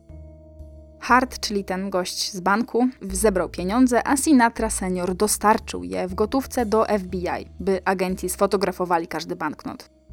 No bo wiadomo, no współpracował z agentami, więc raczej mało kto się spodziewał, że po prostu dałby pieniądze porywaczom i tyle. Agenci następnie zapakowali pieniądze w czarną torbę. Łącznie w gotówce było tam 239 985 dolarów. 15 dolarów poszło na zakup torby. Szanuję ich za tę skrupulatność. W tym samym czasie z Lake Tahoe wrócił Barry. Ale bez Pam, bo Pam miała akurat trening siatkówki. Kiedy dojechał do kryjówki, okazało się, że Irwin całkiem się zżył z Frankiem Juniorem. Następnego dnia wieczorem, 11 grudnia, miało się odbyć wielkie przekazanie pieniędzy. I teraz chwilę o tym, jak wyglądały przekazane przez porywaczy instrukcje. Agent FBI albo ktokolwiek od Sinatry bierze walizkę z pieniędzmi i jedzie do LAX, czyli na lotnisko w Los Angeles. tam podchodzi do długiej linii automatów telefonicznych. Irwin dzwoni na numer jednego z automatów. Agent odbiera telefon, mówiąc: Tu Patrick Henry. To był ich kod. Irwin podaje agentowi kolejne instrukcje. Ma pojechać na stację paliw w mieście Sepulveda w Kalifornii i czekać na następny telefon. W kolejnej rozmowie Irwin podaje agentowi instrukcję, gdzie ma zostawić pieniądze. Walizkę ma położyć pomiędzy dwoma zaparkowanymi autobusami szkolnymi na parkingu obok tej stacji. Następnie agent ma wrócić do domu Sinatry, bez żadnych numerów rzecz jasna, i czekać na informacje o uwolnieniu juniora. Stacja była doskonale widoczna z restauracji na dachu hotelu Holiday Inn. To właśnie z tego dachu wszystko mieli obserwować Berry i Amsler. Plan był taki, że kiedy federalny zos będzie zostawiał walizkę między tymi autobusami, to Amsler pójdzie ją na piechotę odebrać, a Berry w wyznaczonym miejscu odbierze Amslera z walizką swoim samochodem. Następnie wrócą do kryjówki, w której będzie czekał na nich Irwin z Sinatrą juniorem. Kiedy pieniądze będą bezpieczne, Berry zapakuje juniora do samochodu, pokręci się z nim po okolicy, żeby zmylić jego orientację w terenie, a potem gdzieś wysadzi. I wszyscy będą szczęśliwi. Sinatra z rodziną, a oni z pieniędzmi. Ale jak już możecie się chyba domyślać, plan wziął w łeb. To znaczy, owszem, federalny dogadał się z Irwinem, owszem, zostawił walizkę między busami i owszem, Amsler i Berry oglądali to wszystko z dachu Holiday Inn. I nawet Berry wsiadł do samochodu i czekał na Amslera w wyznaczonym miejscu. Tyle, że Amsler nie przyszedł. Minuty mijały, a Amsler nie przychodził. A więc Berry odpala auto i jedzie na miejsce. Patrzy. Walizka stoi między autobusami, jak gdyby nigdy nic. Ale Amslera brak. W pewnym momencie w lusterku wstecznym zauważa zaparkowany niedaleko samochód. A w środku dwóch facetów w kapeluszach. Dokładnie takich, jakie nosili w tamtych czasach agenci FBI. Są w pułapce. Tyle, że Berry no być może był nieco otumaniony lekami, alkoholem, narkotykami i brakiem snu, ale nie był głupi. Na darmo nie studiował wcześniej działań FBI. Wiedział, że federalni nic mu nie zrobią, dopóki nie będą znali miejsca pobytu zakładnika. Wysiadł więc z auta, wziął walizkę i odjechał. Samochód agentu rzecz jasna pojechał za nim, ba nawet dwa samochody. Ale Berry tak dobrze znał okolice, że tych federalnych zgubił. Cały roztrzęsiony wysiadł gdzieś na stacji benzynowej i z budki telefonicznej zadzwonił do Irwina, który przypominam w kryjówce czekał na niego z Sinatrą juniorem, gotowym do pożegnania się z nowym przyjacielem. No i co w tej słuchawce słyszy Irwin? Spójrzmy na to trochę z jego perspektywy. Że Berry pojechał po okup sam. Że nie ma pojęcia, co się stało z Amslerem. Że zniknął. Irwin zaczyna panikować. Po prostu potwornie panikować. Jak to, co się stało z Amslerem? Irwin był pewien, że Berry odebrał pieniądze, a potem dał w łeb Amslerowi, żeby wiadomo, zlikwidować świadka i wziąć cały okup dla siebie. Jego umysł zaczął szaleć. Brak snu i spora dawka narkotyków i alkoholu chyba zrobiły swoje. Co więc zrobił Irwin? Wsadził juniora do auta i uciekł. A potem w akcie paniki wysadził go gdzieś po drodze na środku autostrady. 12 grudnia o drugiej nad ranem Frank Sinatra senior otrzymał telefon. Po drugiej stronie słuchawki usłyszał mężczyznę, z którym wcześniej kontaktował się w sprawie okupu. Sinatra wpada w szał. Irwin mówi tak. Coś poszło nie tak, ale twój syn jest bezpieczny. Wysadziłem go przy Mulholland Drive. Przepraszam. Sinatra trzasnął słuchawką i razem z agentem FBI, który cały czas czatował w domu jego byłej żony, wsiedli do samochodu, żeby poszukać wypuszczonego rzekomo Franka Juniora. Tymczasem Berry już wrócił do kryjówki i zorientował się, że nie ma w środku ani Irwina, ani Amslera, ani Sinatra Juniora. Został sam. Owszem, z pieniędzmi, ale bez zakładnika i bez wspólników. Wspomni potem tak, tutaj cytuję Berego. Usiadłem i się rozpłakałem. Miałem pieniądze, ale straciłem ofiarę moich wspólników. Spanikowałem. Wsiadłem do auta i zacząłem szukać Sinatra Juniora. I tak sobie jadę, a nagle patrzę i kogo mijam na drodze? Frank Sinatra senior i agent FBI krążą po okolicy, najwyraźniej też go szukając. Niestety przez kilka kolejnych godzin ani Sinatra senior, ani Berry nie znaleźli chłopaka. Ja sobie tutaj, rzecz jasna, trochę żartuję, ale dla Sinatry seniora i Sinatry juniora i w ogóle całej rodziny Sinatrów No to wcale nie było oczywiście powodów do żartów. Po latach Frank Sinatra senior będzie wspominał, że to była najgorsza chwila jego życia. W tamtym momencie był pewien, że porywacze zabili jego Frankiego i zabrali pieniądze. Nawet na poważnie zaczął się zastanawiać ponowne odezwanie się do Giancany. No w końcu mafia oferowała swoją pomoc. Ale zaraz po tym, jak Sinatra i agent FBI wrócili z poszukiwań, w domu Nancy Sinatry zadzwonił dzwonek do drzwi. W progu stał mężczyzna w stroju ochroniarza. Pani Sinatra? Mam pani syna w bagażniku samochodu. Co tu dużo mówić. Nancy prawie zawału tam dostała. Była pewna, że skoro gość mówi o bagażniku, to na 100% leżą tam zwłoki Frankiego. Wybiegła z domu, zanim facet zdążył jej powiedzieć, że tak w sumie to wsadził go do bagażnika, żeby nie wzbudzić zainteresowania prasy, a jej syn jest cały, zdrowy i w jednym kawałku. Przy samochodzie ochroniarza, jak gdyby nic, stał sobie junior. I powiedział: Cześć, mamo. Okazało się, że jeden z porywaczy go wypuścił, ale nie informując, gdzie jest i dokąd ma iść. Tak więc przeszedł chyba z 5 kilometrów na piechotę w ciągu nocy. I za każdym razem, jak mijał go jakiś samochód, to chował się w krzakach w obawie przed tym, że porywacze zmienili zdanie i jednak po niego wrócili.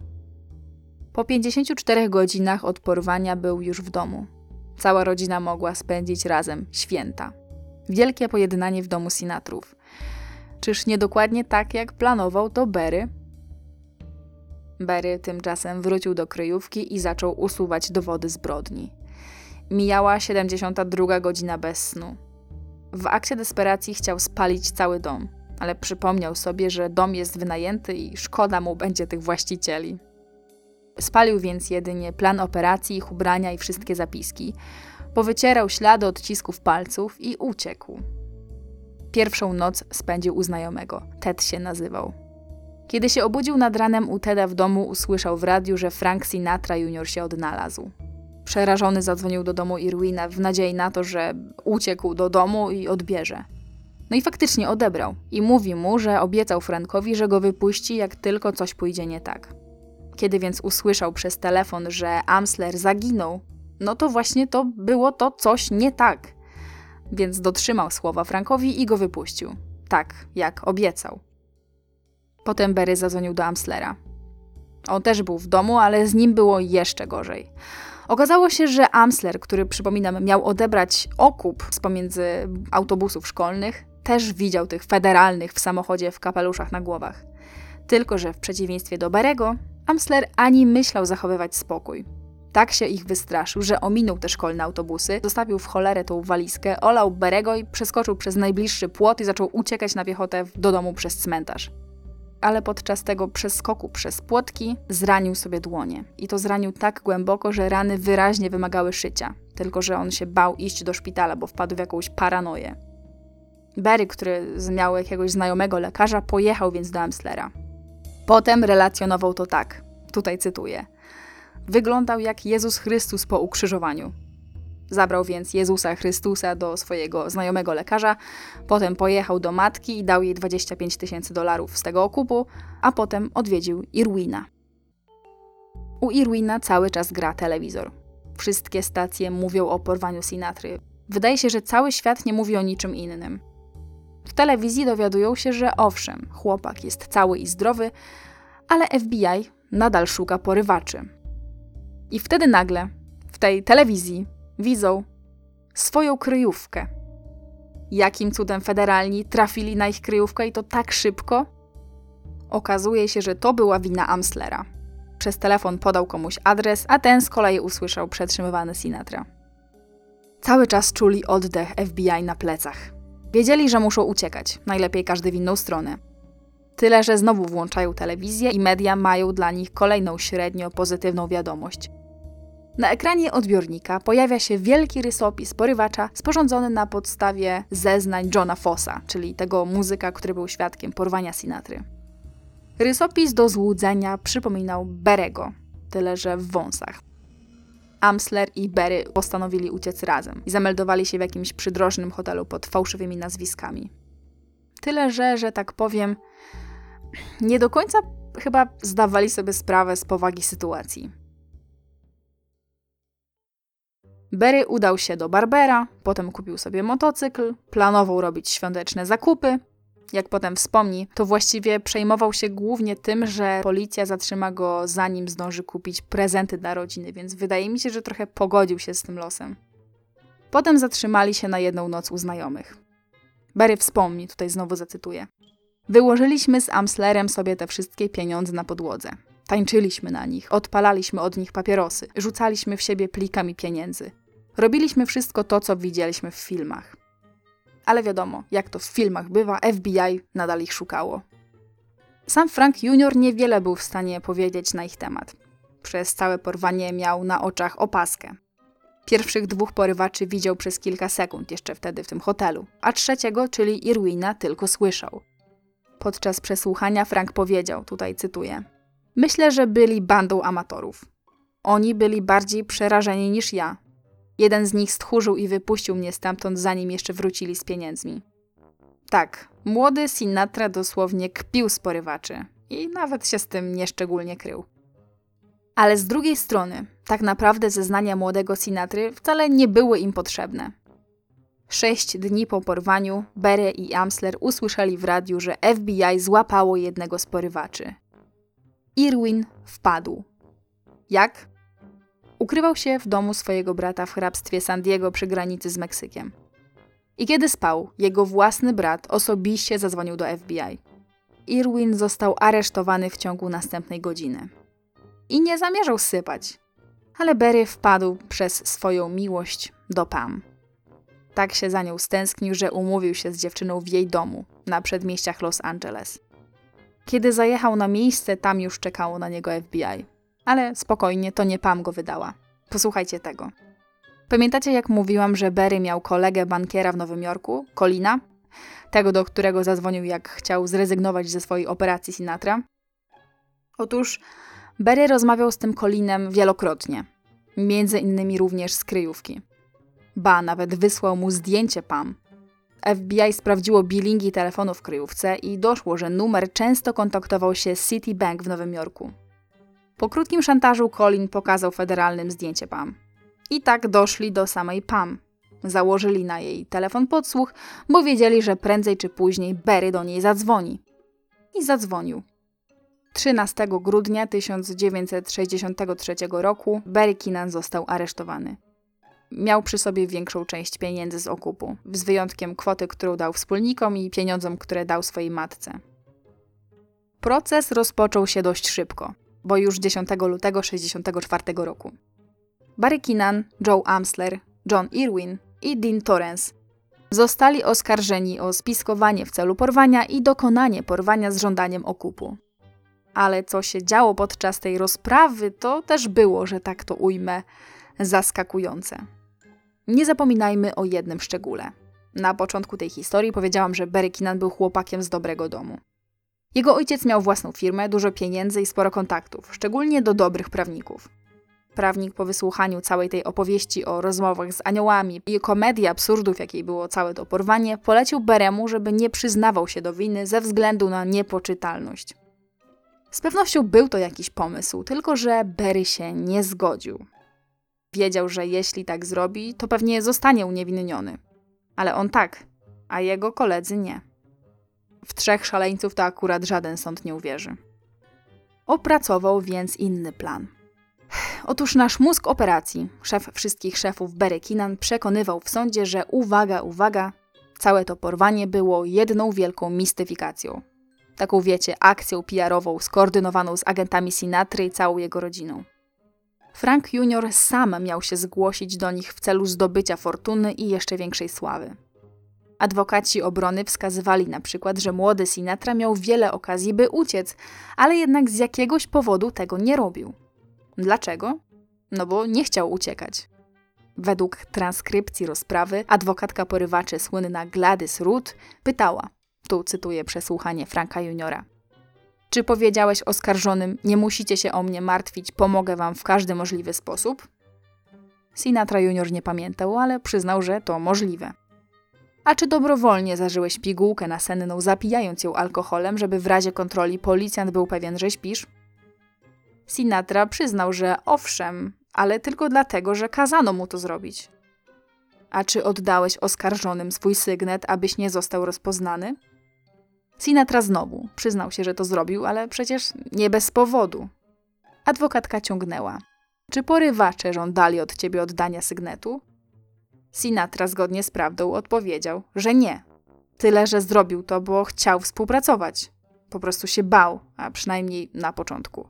Co więcej, czuł, że Berry jest raczej emocjonalnie, no tak średnio stabilny i wiedział, że ma w kieszeni naładowany pistolet.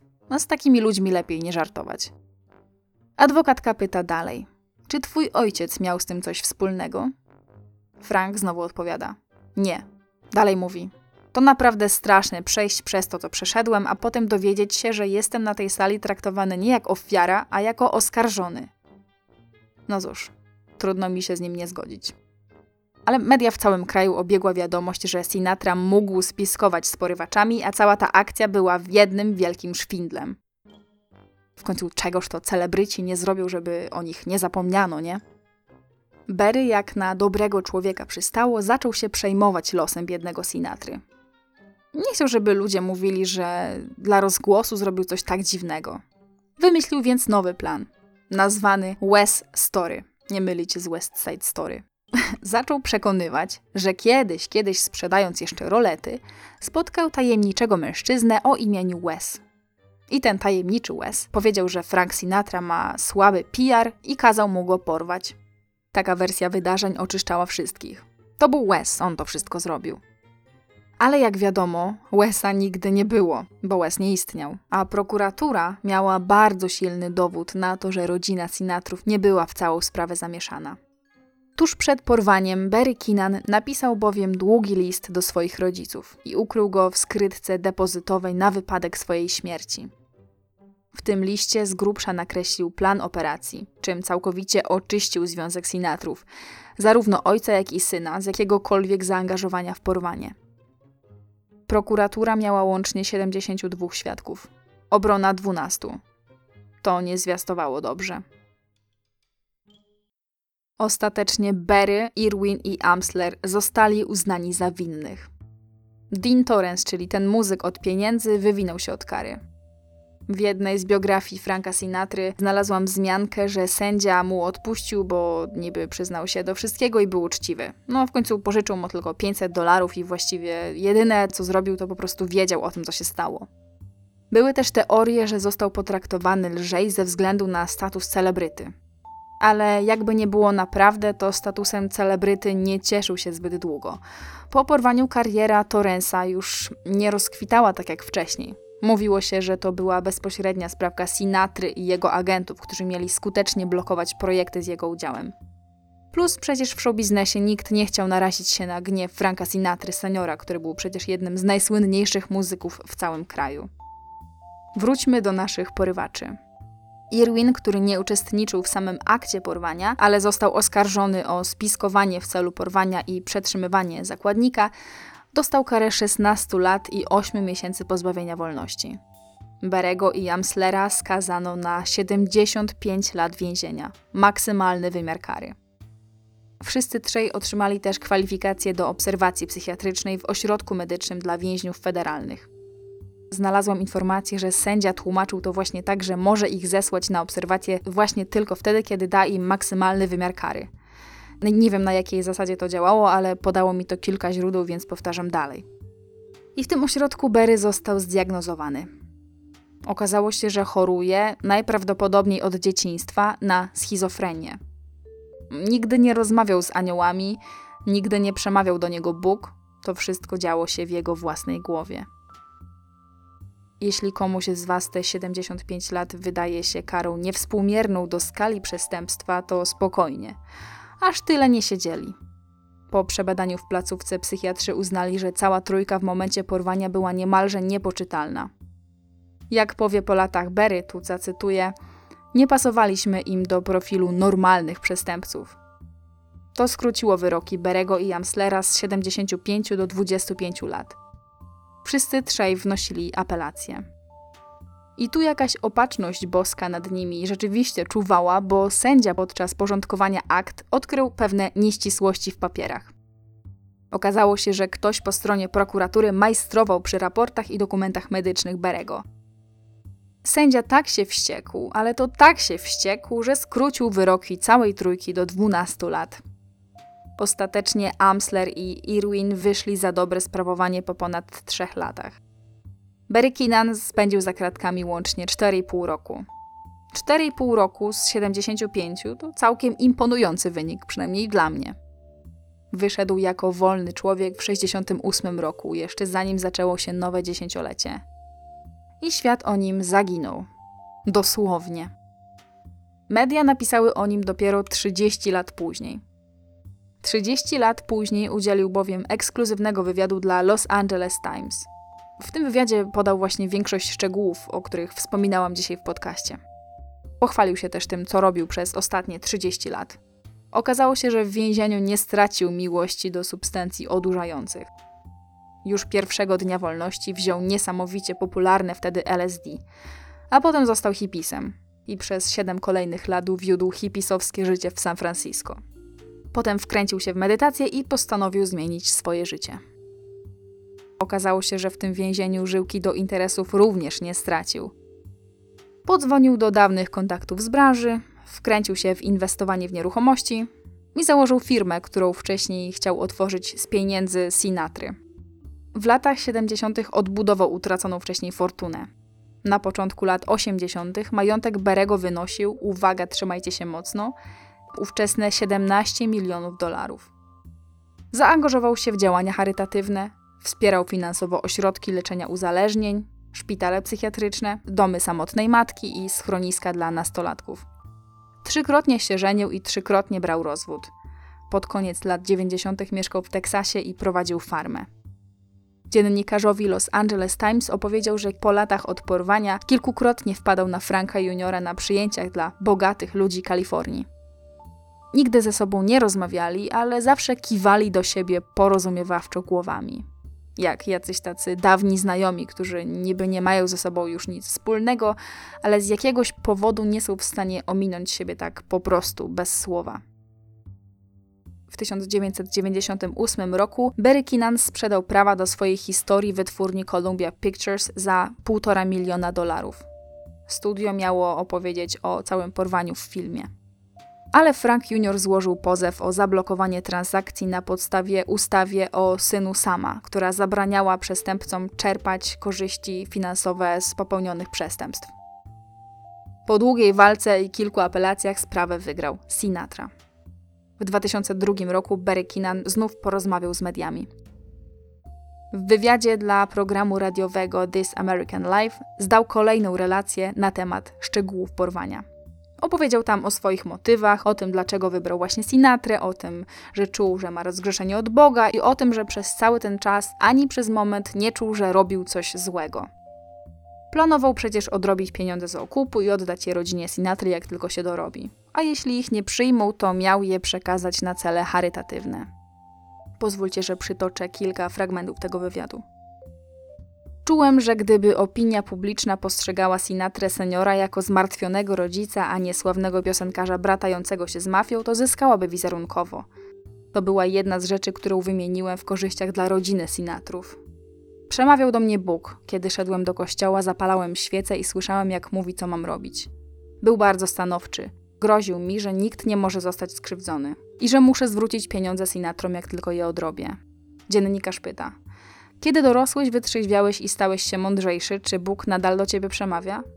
O nie, to minęło, kiedy wytrzeźwiałem i otrzymałem pomoc psychiatryczną.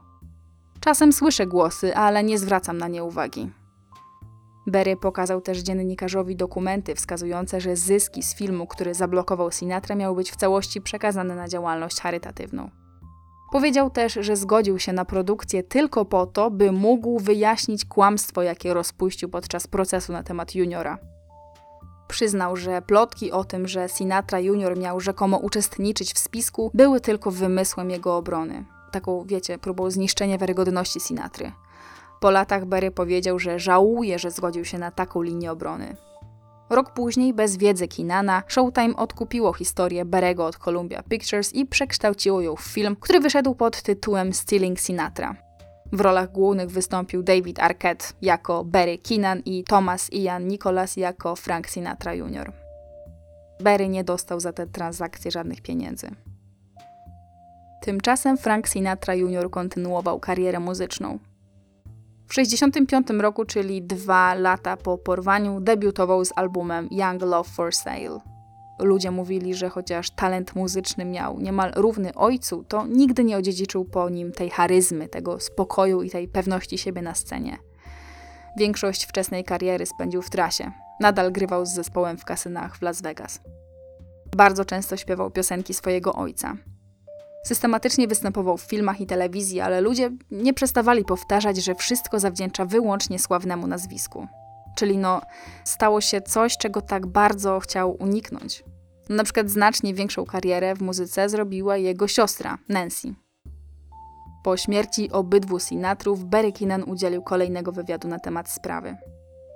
Miał 75 lat i nadal był milionerem. Pracował jako pośrednik w obrocie nieruchomościami i uwaga, uwaga, adwokat w kwestiach reformy sądownictwa karnego w teksańskiej legislaturze. Opowiedział, że śmierć juniora bardzo go zasmuciła. Berry opowiedział też, jak spotkali się po latach z juniorem w bardzo dziwacznych okolicznościach. Około 12 lat wcześniej partnerka Berego zaprosiła go na koncert Sinatry Juniora w Malibu w Kalifornii. Uwaga, koncert z wejściem za kulisy. Cytuję Berego. No cóż, był świetnym muzykiem. Po koncercie poszliśmy za kulisy, żeby porozmawiać z Sinatrą. To była dziwna akcja. Rozmawialiśmy sobie we dwóch i gdzieś mniej więcej w połowie rozmowy Sinatra zorientował się, kim jestem. Ale nie było żadnego wzywania ochrony, zero dramatu. Po prostu popatrzył na mnie i podszedł do kolejnej osoby. W zeszłym roku Barry Keenan był gościem podcastu The Grand Scheme Snatching Sinatra. To jest dziesięcioodcinkowa seria prowadzona przez aktora Johna Stamosa. Podlinkuję Wam ten podcast w opisie, bo naprawdę go polecam odsłuchać. Tam jest dosyć dużo wypowiedzi, które są bezpośrednią relacją właśnie przedstawioną przez Berego. Barry Keenan żyje sobie do dziś. I z tego co widać, żyje mu się chyba całkiem dobrze. Ma 82 lata. Joe Amsler, porywacz numer dwa, w przeciwieństwie do Berego, wolał, żeby cały świat zapomniał o całym zdarzeniu. Po wyjściu z więzienia pracował jako kaskader przy kilku filmach w Hollywood. Potem całkowicie opuścił show biznes. Nigdy nie opowiadał o porwaniu syna wielkiego Franka Sinatry. Nie podobał mu się film Stealing Sinatra, bo uważał, że niesprawiedliwie przedstawił go jako tego brutalnego z całej ekipy. Pracował potem jako złota rączka i do końca życia przyjaźnił się z Berem Kinanem. Zmarł w wieku 65 lat.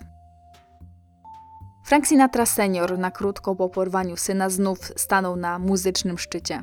Kontynuował też produkowanie filmów ze swoimi kumplami z Rat Pack.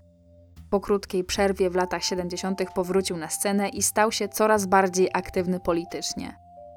Nigdy nie wrócił do byłej żony, na co miał nadzieję Barry Keenan.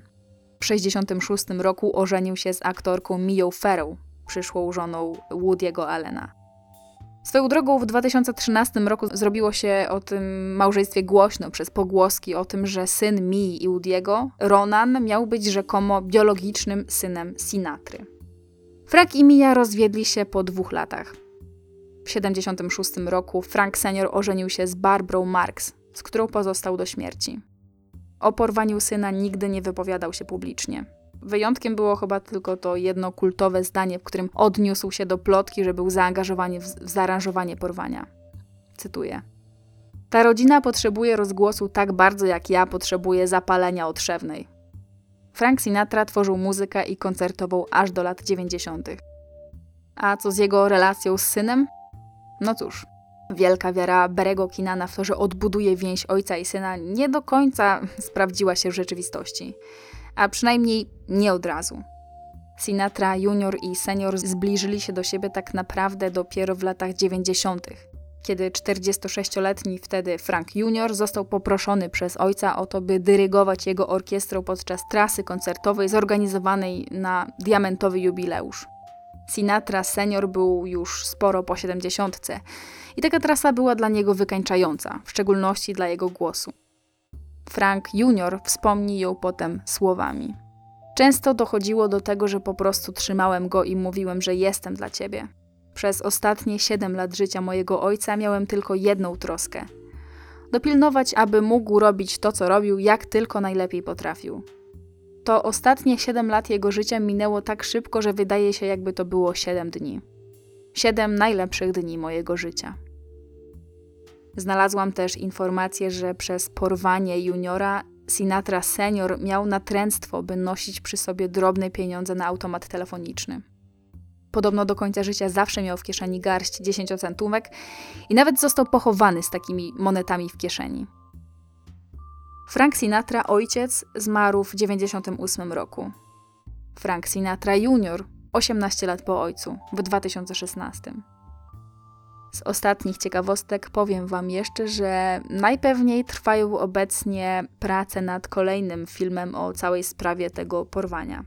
A przynajmniej trwały, kiedyś chyba przed pandemią. Według informacji, jakie znalazłam, za reżyserią tego filmu stoi Joe Mantegna, a film ma być zatytułowany Operation Blue Eyes, czyli Operacja Blue Eyes.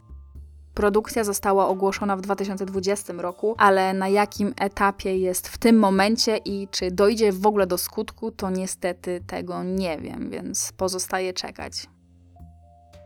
I to już koniec dzisiejszej historii. Historii o tym, jak jeden plan jednego człowieka sprawił, że znalazł się na językach całego kraju. O tym, jak jedna głupia decyzja może doprowadzić do serii kolejnych głupich decyzji i historii o tym, jak nie porywać dzieci celebrytów. Przyznam, że to jedno z najbardziej absurdalnych porwań, o jakich w życiu słyszałam. I kiedy czytałam o tej historii, to miałam wrażenie, że to wszystko jest idealnym scenariuszem do kolejnej części serii filmów Kevin sam w domu a szczególnie ten Amsler z rozbitą głową, odmrożeniami po kilku godzinach spędzonych w bagażniku samochodu i rękami rozciętymi, jak tu cytując klasyka Jezus Chrystus po ukrzyżowaniu, no to przypominał mi tych włamywaczy, którymi zawsze działa się jakaś krzywda, kiedy Kevin budował swoje zasadzki. Ale z drugiej strony, to historia porażająco smutna w tej całej swojej zabawności. Bo przecież to była opowieść o strasznej chorobie, jaką jest schizofrenia i jej objawach i człowieku, który nie umiał sobie z nią poradzić. To opowieść o depresji, o uzależnieniach i potwornej desperacji, która może doprowadzić każdego z nas do absurdalnych zachowań. Szczególnie jeśli mamy znajomych, którzy zamiast nas od tego odwieść, to uznają to wszystko, co mówimy, za doskonałe pomysły.